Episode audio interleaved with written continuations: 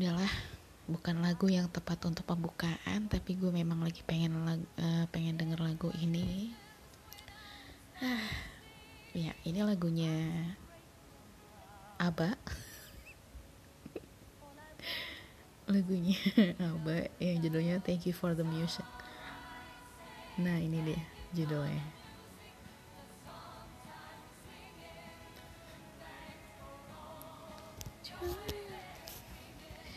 Who can live without it? I ask in all honesty, what will life be? Without a song or dance, what are we? So I say thank you for the music, giving it to. Sebenarnya sih ini ada covernya, ada covernya yang nyanyi Buci Bule, dan itu gue suka banget jadi mungkin kalian bisa cek alah nggak mungkin juga. Kenapa gue jadi promosi lagu? Nggak nggak. Tetap kita harus fokus pada pembahasan kita kali ini. Um, segini cukup nggak? Jadi sebenarnya yang pertama gue pengen mengabarkan bahwa tenggorokan dan suara gue sudah mulai pulih begitu ya. Walaupun mungkin terdengar tidak ada bedanya tapi bagi gue gue lebih mudah untuk kayak berbicara. Karena kalau misalkan radang tenggorokan mungkin kalian juga udah tahu ya itu berpengaruhnya ke mana dan yang sakit apa aja gitu. Itu sendi-sendi gue dua hari yang lalu itu sakit banget. Dan uh, leher gue kalau misal seandainya dipencet tuh iya sakit. Ya iya sakit sih. Terus kalau buat nelen uh, nelen makanan itu juga sakit. Ya pokoknya gitu deh. Dan gue mulai melebar lagi ngebahas tentang sakitnya gue gitu. Yang mana ini sangat tidak ada hubungannya dengan judul begitu. Tapi nggak apa-apa ini hanya intermezzo gue hanya mengabarkan kondisi gue yang mana memang itu tidaklah penting terus uh, oke okay. masuk ke dalam topik kali ini tiga hari berturut-turut karena memang ini memang ada bahasan aja sih sebenarnya oke okay. iya sebenarnya ini uh, gue pengen ngebuat judul ini jadi kayak pengalaman uh, pengalaman apa pengalaman di otak gue pengalaman supranatural. Bukan bukan ya mohon maaf. Itu adalah pengalaman lah kenapa gue jadi lupa ya? Sebelumnya gue bikin judulnya apa deh? Tolong dibantu. Seperti biasa gue memang kebiasa. Gue emang kebiasa banget. Ah pengalaman spiritual baik. Setelah melihat dan menimbang gue akan membuat uh, pengalaman ini benar-benar sih ya. Kalau untuk yang uh, part kedua ini gue pengen bercerita tentang ini benar-benar ya benar-benar benar-benar pengalaman spiritual gue itu dimulai dari mana sih gitu. Oke. Okay. jadi jadi gue itu memulai pengalaman spiritual gue itu kira-kira dua tahun yang lalu. Dua tahun yang lalu gue terbangun dengan kondisi gue tidak merasakan apa pun. Gue tidak merasakan senang gue tidak merasakan sedih gue tidak merasakan apa pun itu gue nggak merasakan lalu gue berpikir oh mungkin mungkin gue lagi dapat atau atau apa. Tapi waktu itu gue nggak lagi dapat jadi gue kayak sempat bingung dan e, bertanya-tanya juga sih gue itu kenapa? Gitu. Terus e, setelah gue mencari-cari gejala gue itu masuk ke dalam depresi. Depresi uh, depresi yang akut sampai lu tuh nggak bisa merasakan apa-apa. Terus uh, tadinya gue berpikir mungkin karena gue habis putus gitu. Ini kalau nggak salah sekitar dua tahun yang lalu ya 2019 lah karena ini men menyangkut tahun yang sekarang memang sudah 2021 jadi gue ambil simpelnya aja ya dua tahun. Yang padahal sih sebenarnya hampir dua tahun bukan dua tahun. Hampir dua tahun yang lalu. Terus um, gue tuh Uh, tapi gue mikir lagi sebenarnya rasa rasa gue ini bukan karena gue abis putus juga gitu. Karena ketika gue masih menjalin hubungan gue sudah merasakan rasa ini tapi kayak sedikit gitu loh sedikit baru sedikit gitu. Tapi pada saat itu hari itu gue benar-benar merasakan hampa kosong gitu. Gue gak merasakan rasa apa pun gitu. Gue benar-benar kayak bangun tidur seperti zombie dan ya udah gue sempat bengong beberapa menit. Terus ya udah gitu. Ya udah gitu aja sih nah terus uh, hari itu benar-benar hari di mana gue inget banget ya. Terus kan akhirnya gue konsul ke rumah sakit di daerah sini ya rumah sakit daerah Eh, pemerintah gitu pemerintah daerah. Terus gue tes kejiwaan waktu itu. Gue tes kejiwaan dan hasilnya ya udah seperti itu. Ya ya udah. Sebenarnya sih itu privacy ya. Ya pokoknya hasilnya kayak gitu.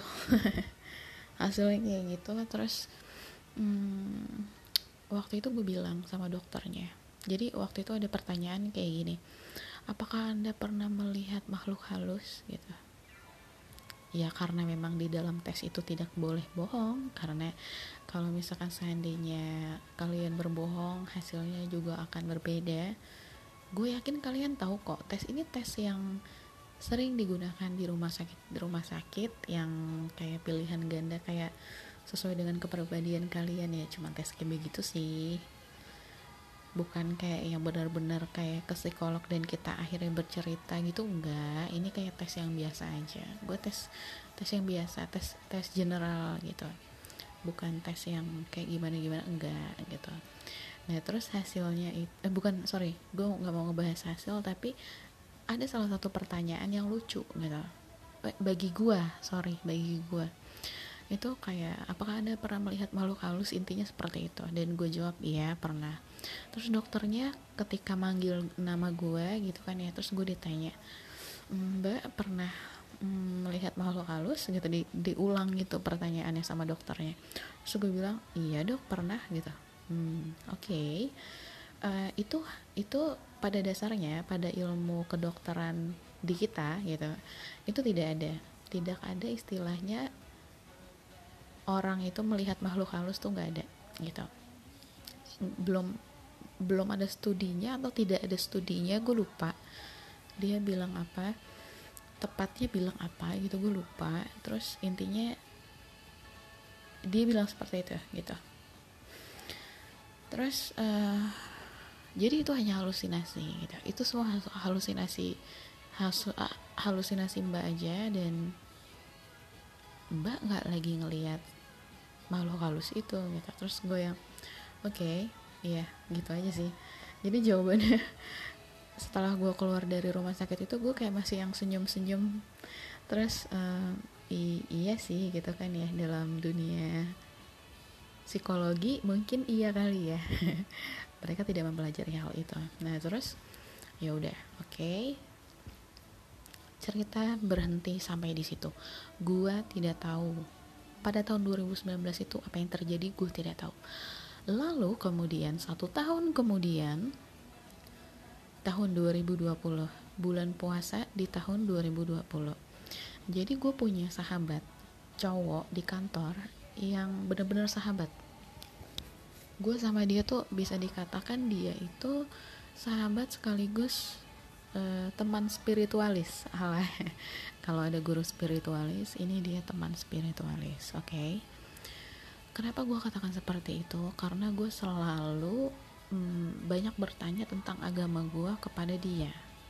Dia itu anaknya apa kayaknya gue pernah cerita ini deh di di case gue uh, sebelumnya jadi dia itu anak ustadz gitu ya. Dan gue suka sama dia karena dia tuh saran-sarannya dia dan uh, bahasannya dia tuh masuk dalam Islam terbuka bukan Islam yang fanatik gitu loh.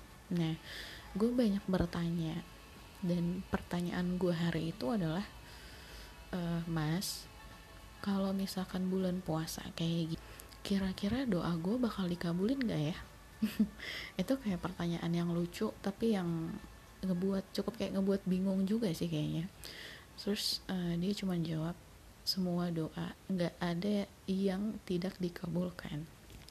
Cuman waktunya aja yang lo nggak tahu. Dan itu kayak nggak ada pengaruhnya juga sih lo berdoa di bulan apa? Mau di bulan puasa kek? Mau di bulan apa kek kayaknya bakal bakal di uh, bakal dikabulin kok gitu. Nah terus mungkin dia di situ kayak udah ini kali udah kayak punya feeling bahwa kayaknya ada sesuatu yang terjadi deh sama sama gua gitu. Tapi dia kayak tetap stay cool. Dia kayak dia terbiasa untuk uh, menunggu gue cerita sih sebenarnya tapi gue waktu itu nggak cerita gue hanya sebatas menanyakan gitu menanyakan hal itu aja simpel aja. Terus uh, beberapa hari kemudian gue akhirnya chat dia lagi. Gue chat dia lagi gue bilang di situ bahwa gue gue beberapa uh, sorry gue di tahun yang lalu gue terbangun dengan kondisi seperti ini. Gue gue gue cerita sama dia dan hmm, gue merasa gue tidak ada gairah gitu. Gue tidak ada gairah dan kebetulan pada saat itu ya pada saat itu uh, gue memutuskan untuk ini ini ini kayaknya sih sebenarnya salah ya jangan ditiru ya. Jadi pada saat itu gue memutuskan untuk berhijab gitu. Gue memutuskan untuk berhijab terus hmm, gue cerita sama dia dan terus dia tuh bilangnya oh e, menurut gue kayaknya lo dapet hidayah deh gitu. Ini kayak dari dianya gitu. Menurut gue lo dapet hidayah hmm, yang lo rasakan bagaimana? Gitu. Ya gue ngerasain dengan gue berhijab gue lebih tenang aja gitu. Terus gue bisa mengontrol diri gue kayak gitu-gitu deh. Waktu itu sejujurnya gue lupa sih gue curhatin apa aja gitu. Tapi intinya dia bilang bahwa gue itu mendapatkan hidayah. Terus gue nanya emangnya emangnya hidayah itu apa? Gitu. Maksudnya emang tandanya apa? Gitu. Tandanya kalau gue dapet hidayah itu apa? Dia bilang uh, aduh gue takut salah nih kan kalau gue ngulangin karena gue bukan pengulang yang baik gitu. Intinya kalau misalkan hidayah itu datangnya ya kapan aja. Lu nggak bakal tahu hidayah itu datangnya kapan aja. Dan kalau misalkan tanda-tandanya ya macem-macem gitu loh. Bisa jadi iya yang apa yang gue alami. Karena uh, eh, gue itu kayak udah hmm, punya perasaan kayaknya sekarang deh waktu yang tepat untuk berhijab gitu. Kayak gitu salah satunya. Dan terus gue tuh kayak mendengarkan dia yang gue anggap oh, oke okay, lagi ceramah nih gitu. Terus uh, ya udah. Hari itu akhirnya berlalu. Sebentar gue ganti lagu dulu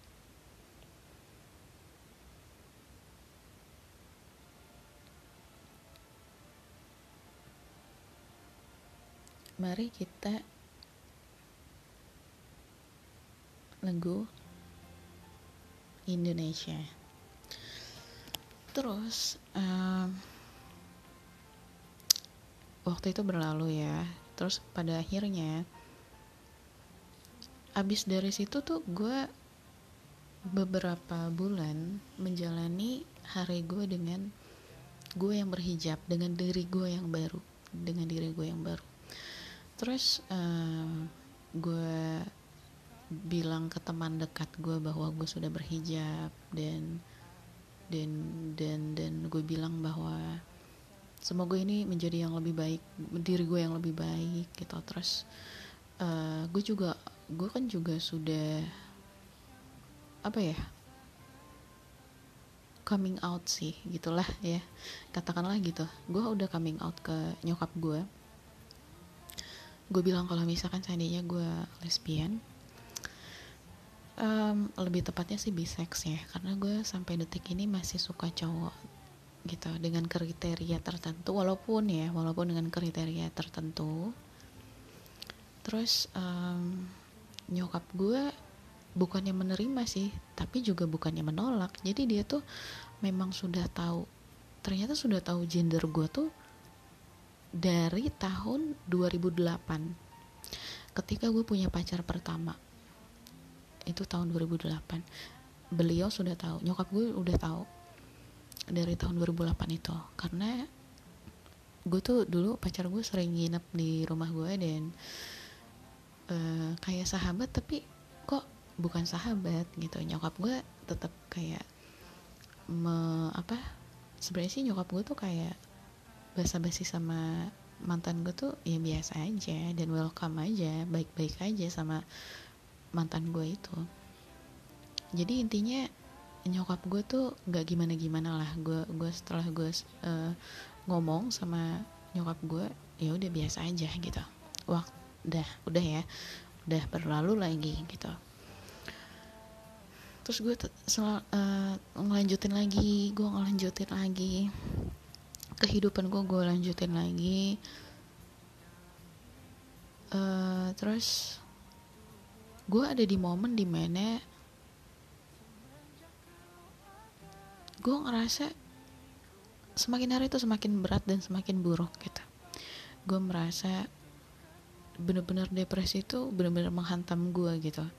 Dan gue gak ngerasa gue gak ngerasa lebih baik gue gak ngerasa apa pun gue gak ngerasa sampai gue bertemu dengan Nai. Oke? Okay?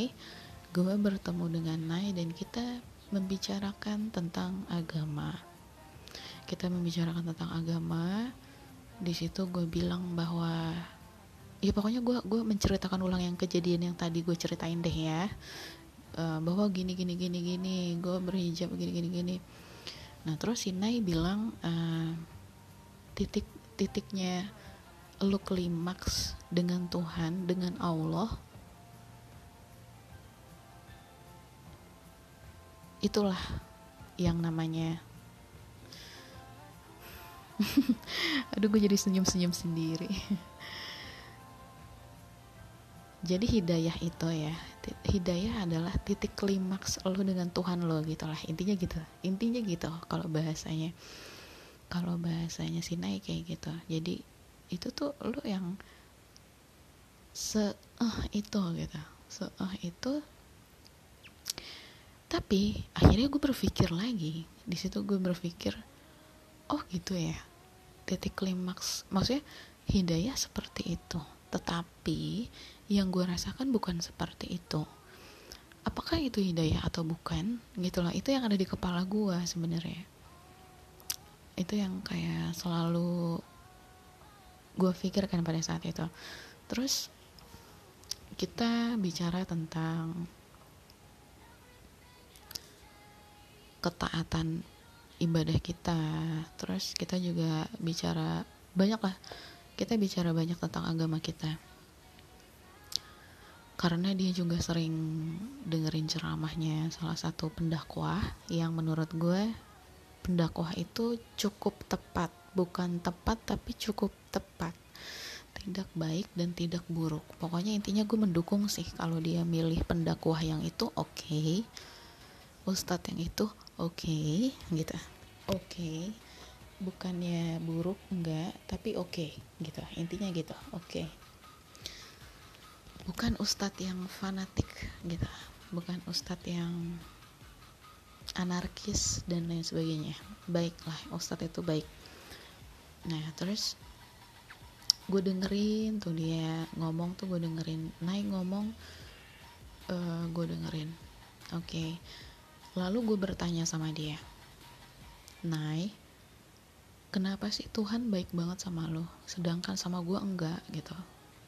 Apa yang lo minta selalu dikabulin sama Allah sedangkan apa yang gue minta itu nggak pernah dikabulin. Gue malah gue malah kayak diliatin dulu gitu loh. Kan gue udah udah waktu itu tuh gue udah udah terbuka sama si Nai bahwa Nai gue tuh punya gue gak tau kenapa bukan six sense juga mungkin ya tapi gue nggak mau bilang gue bisa. Pada saat itu kan karena gue nggak tahu kan gue akhirnya cerita ke Nai gue nggak tahu ini six sense atau apa tapi gue gue gue tuh kayak diliatin diliatin visual apa yang akan terjadi di depan gitu loh Nai tapi kalau misalkan seandainya gue diliatin berarti tandanya itu tidak akan terjadi gitu. Jadi itu kayak kebalikannya gitu. Nah terus si Nai ngerti maksud gue kalau misalkan apa yang gue mau itu nggak pernah diturutin nggak pernah terjadi gitulah nggak pernah dikabulin sama Allah. Terus si Nai bilang gini seberapa keras lo meminta? gitu. Gue minta banget gitu. Iya seberapa keras. Oke okay, gue oke okay. gue ngerti di situ. Bagaimana doa lo? Lengkap kok lengkap gue bilang lengkap iya nggak perlu gitu. Gue bingung gue bingung banget. Oke. Okay. nggak perlu lengkap. Terus gue tanya apa doa lo? Apa doa lo sampai Allah semurah itu memberikan apa pun yang lo mau? Dan Nai bilang begini berdoa sama Allah itu lo nggak perlu ribet gitu. Gue setiap sholat habis sholat ataupun gue sholat uh, sunnah gue selalu berdoa ya Allah sukses sukseskanlah aku di dunia dan di akhirat. Cuman itu doang doa gue serius serius kata dia. Serius doa gue cuman itu doang. Sukses itu sudah mewakili semuanya gitu. Jadi tinggal nah lu walaupun lu ingin lu nggak boleh spesifik itu. Karena Allah punya jalannya sendiri. Di situ gue yang kayak gitu.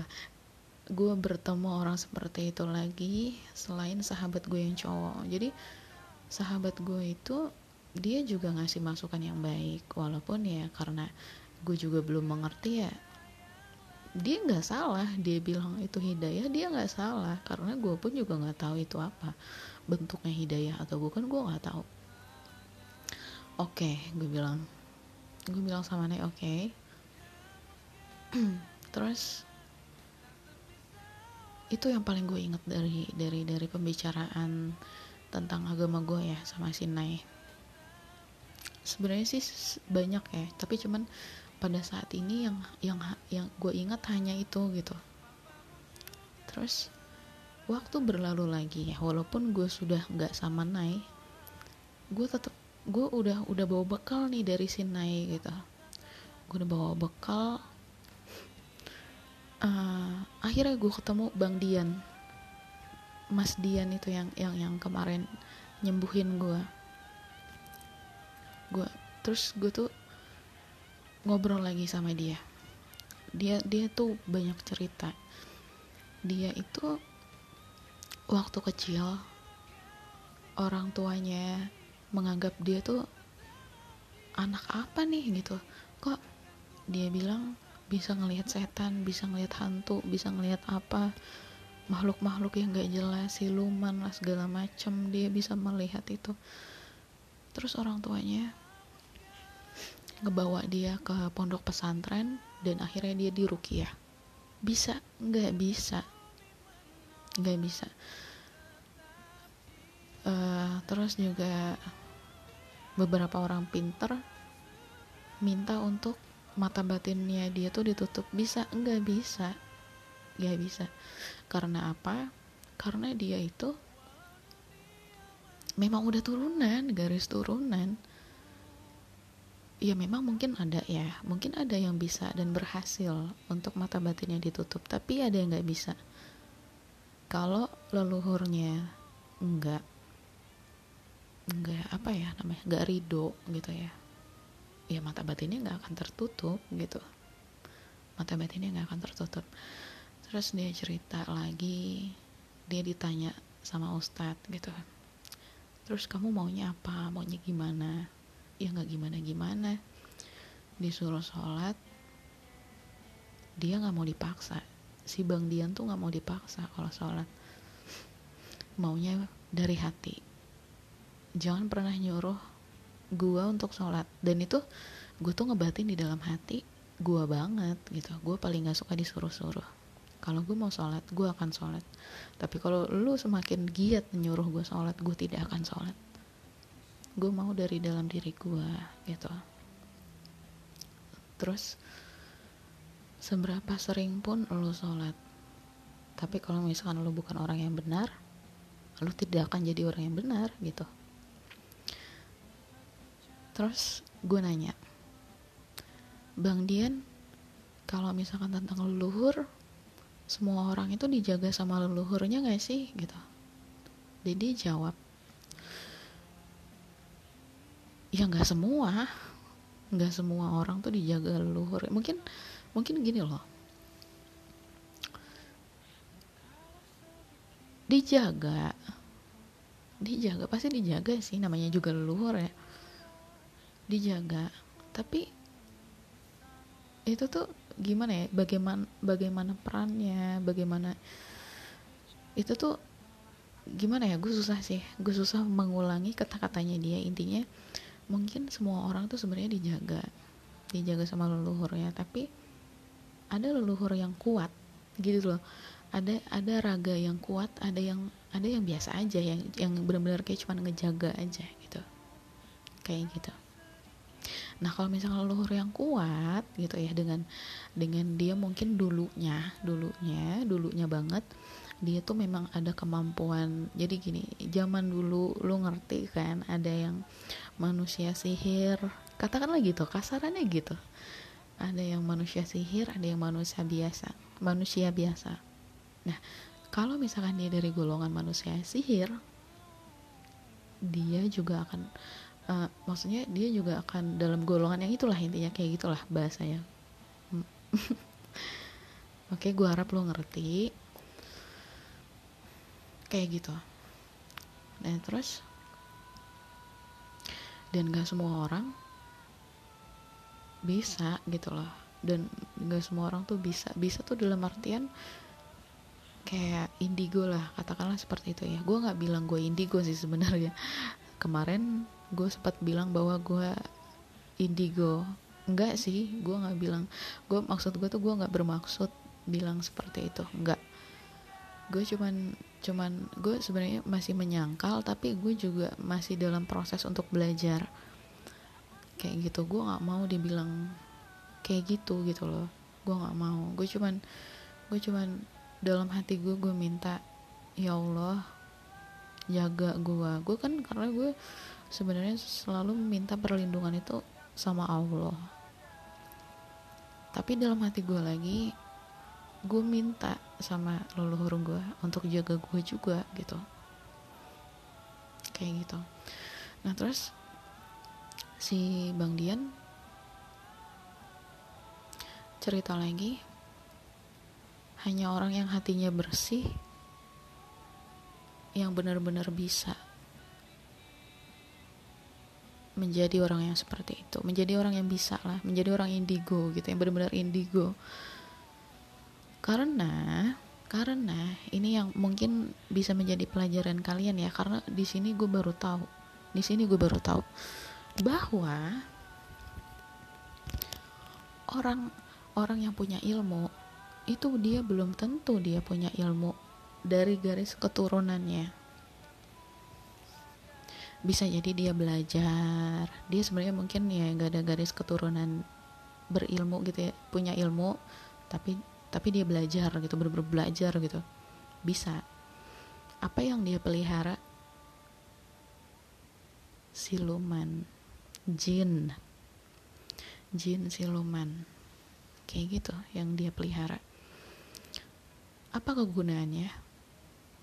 Misalkan dalam dunia alternatif ya bukan dunia medis. Kemarin juga gue sempat salah ngomong.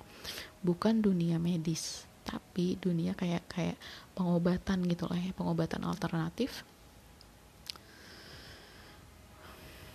Uh, dan mungkin kayaknya juga salah deh namanya bukan pengobatan alternatif ya. Pokoknya pengobatan yang kayak gitu deh ya.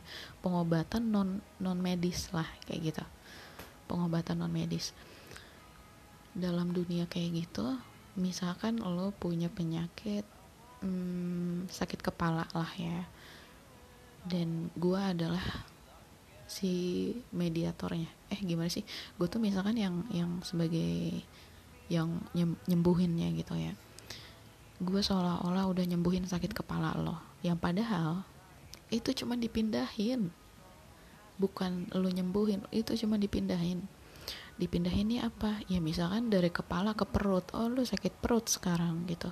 Bukan sekarang sih beberapa waktu kemudian. Ada yang seperti itu. Banyak banget kata bang Dian banyak banget orang yang berkedok dia tuh bisa nyembuhin orang tapi ternyata dia tuh cuma mindahin penyakitnya aja bukan nyembuhin. Dan parahnya lagi dia tuh memelihara makhluk-makhluk yang seperti itu.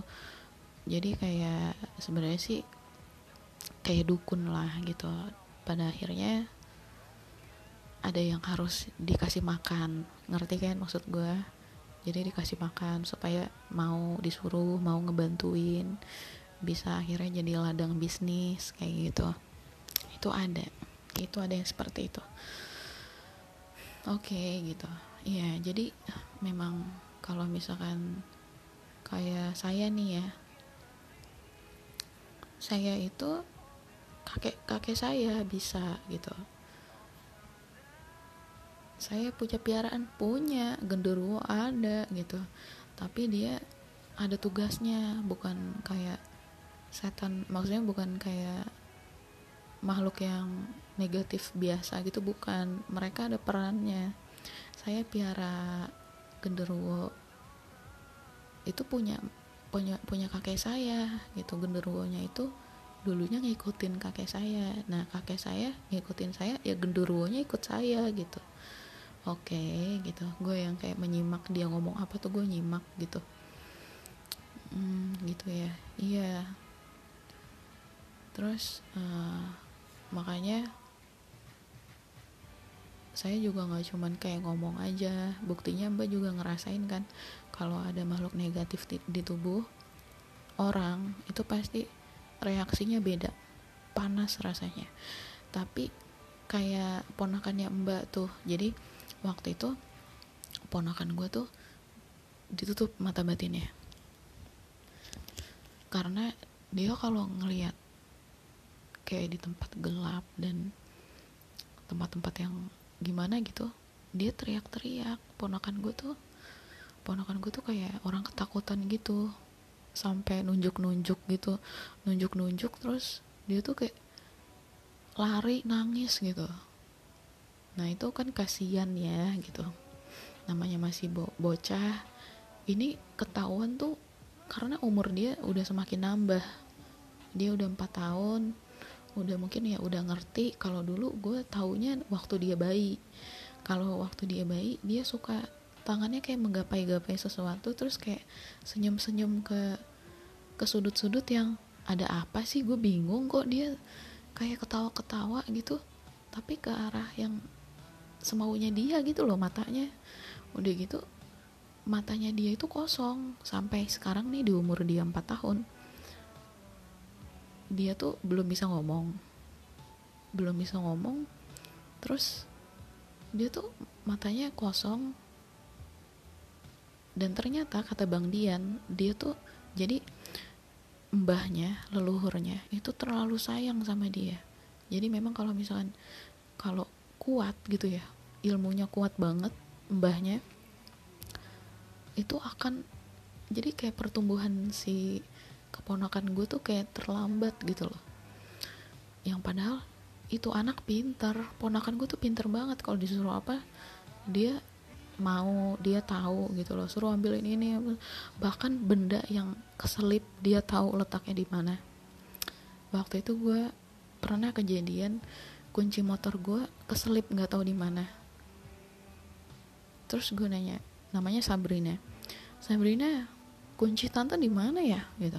Dia langsung masuk ke kamar dan ternyata itu nyelip di bawah nyelip di bawah kasur. Gue memang abis duduk di situ. Gue memang abis duduk di lantai gitu ya di lantai kamar dan gue nggak sadar bahwa kunci gue di situ ya pokoknya di sekitar situlah ya.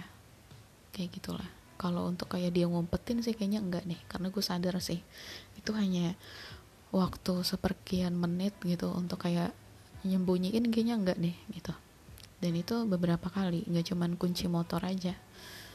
Ada beberapa hal yang kalau gue minta tolong dia langsung ngeh gitu. Oke okay, ini ini ini dia langsung kasih kasih kasih gitu. Dia anak yang pintar tadinya awal mulanya gue pikir mungkin dia autis. Tapi enggak dalam segi fisik dan lain sebagainya dia normal. Cuma dia nggak bisa ngomong dia diem aja gitu. Dan tatapannya kayak agak kosong gitu loh. Itu terus si Bang Dian ketika mijitin dia bukan mijit sih ketika dia Noel Noel dan terapi terapi si Sabrina dia ketawa-tawa. Beda sama gua gue jerit-jerit dia ketawa-tawa kan kocak ya. Terus gue nanya lah kok Sabrina malah ketawa-tawa sih bang? Kata si bang Dian kalau misalkan memang dia bersih nggak ada yang nempel ya emang begini reaksinya gitu. Apalagi kalau ada mbahnya gitu. Ada mbahnya tuh bener-bener deket gitu loh. Ya dia nggak ngerasain apa-apa biasa aja. Emang mbaknya aja lebay gue malah dikatain gue dikatain katanya pura-pura kesakitan. Ya dia nggak ngerasain bener-bener sakit. Beneran sakit beneran. Gue nggak bohong gue nggak bohong. Beneran sakit rasanya panas gitu. Terus um, terus gue ngedengerin dia ngomong lagi.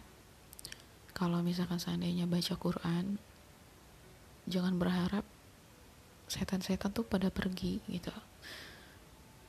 Mungkin ini maksudnya si Bang Dian adalah jin gitu. Jin-jin.